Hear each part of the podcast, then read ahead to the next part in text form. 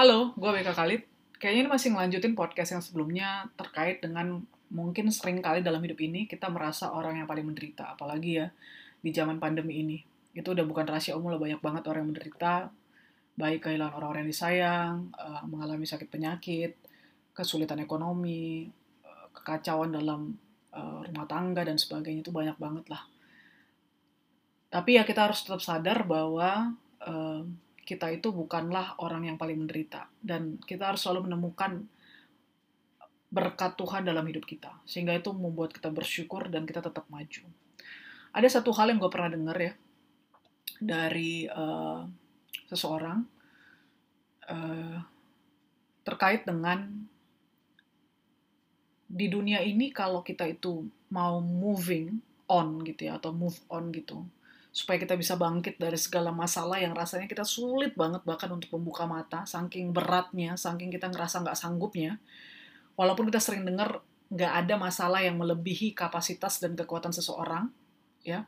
Tapi ketika itu benar-benar menghantam kita, kayak rasa berat banget, gitu.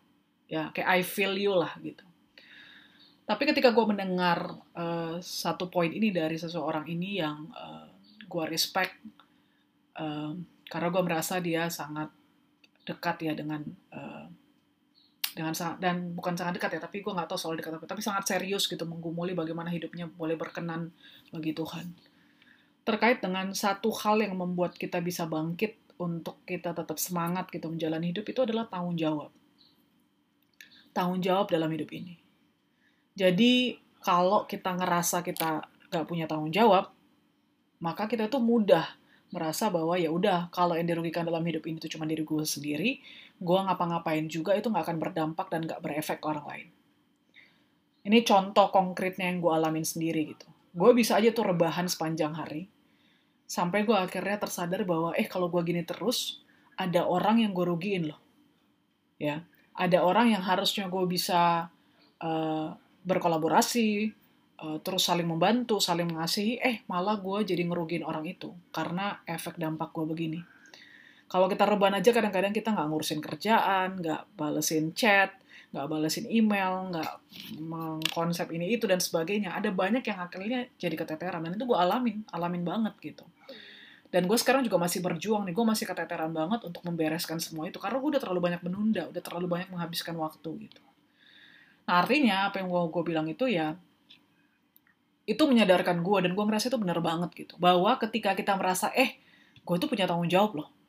Artinya ketika gue masih diberi kesehatan ya gue harus jaga kesehatan gue gue nggak boleh makan sembarangan gue harus olahraga. Ketika gue masih diberi umur panjang artinya masih ada pekerjaan yang harus gue lakukan di sini. Gue harus tanya itu apa gue harus eksplorasi sebanyak banyaknya dan uh, yang positif ya dan terus bertanya gitu itu apa yang harus gue kerjain? gitu loh. Dan ketika gue masih punya saudara keluarga sahabat yang uh, mereka datang ke kita dan mereka nggak punya apa-apa dan mereka butuh uh, bantuan kita gitu. Kalau gue cuma diam diri dan nggak ngapa-ngapain, gue juga menjadi orang pesakitan ibaratnya yang juga butuh bantuan kan, gue nggak bisa berdampak gitu. Jadi ketika kita merasa uh, diri kita ini sebagai bukan bukan gini ya, bukan jadinya kita ngerasa kita pamrih atau kita ngerasa hebat ya enggak. Kita tuh cuma alat. Bayangin gini, uh, gue ngerasa setiap manusia di dunia ini uh, sadar nggak sadar ya karena ada aja yang memang nggak sadar atau ada yang sadar gitu. Tapi gue ngerasa bahwa semua ini kita itu adalah alat. Alat yang dipakai oleh Tuhan untuk mengerjakan sesuatu sesuai apa yang Tuhan mau.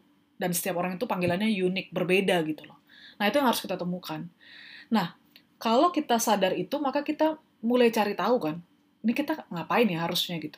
Bayangin sebenarnya kalau kita nggak pernah hidup di dunia ini kan kita juga nggak nggak pernah akan ada yang namanya BK, nggak akan ada yang pernah namanya Joko, Wati, Susi dan sebagainya gitu.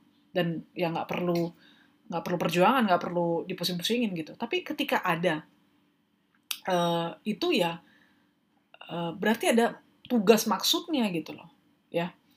Sama misalkan gini ya, mungkin kita tuh lebih mudah ngebayanginnya ketika kita analogikan, walaupun ini sebenarnya analogi nggak nggak tepat ya, tapi kurang lebih uh, kasih gambaran aja gitu tapi ini nggak tepat sebenarnya atau gue oh nggak tahu gue salah ngomongin begini atau nggak cuman gini kalau misalkan kita tahu deh ada yang namanya Iron Man Iron Man itu kita tahu dia uh, orangnya pinter dan sebagainya buat banyak hal yang canggih-canggih gitu. Kalau misalkan dia buat robot, buat robot-robot-robot, dia buat seribu robot gitu. Tentu dia punya kan tujuan membuat seribu robot ini tujuannya ngapain. Mungkin dia nggak tentuin satu persatu gitu, tapi ada yang secara kolektif. Atau kalau misalkan uh, dia buat satu-satu ya bisa aja ada tujuannya gitu. Nah, robot ini kan harus diprogram berdasarkan tujuannya. Nah, kita manusia bukan kayak robot ya. Kita punya kehendak bebas. Kita bisa lakukan apa saja. Nah, tapi kita harus cari tahu. Nah, kita ini uh, kenapa ya diciptakan? Kita ini buat apa ya di sini gitu. Terus kita mau lakukan apa ya sebenarnya gitu. Dan kalau kita mulai sadar bahwa kita ternyata eh ada tugas khusus loh untuk kita ada tanggung jawab loh yang harus kita kerjakan. Nah, itu buat kita jadi sadar bahwa eh kita bu, itu bukan karena dari kita, tapi kita itu alat yang dipakai, yang diberi kemampuan, diberi potensi.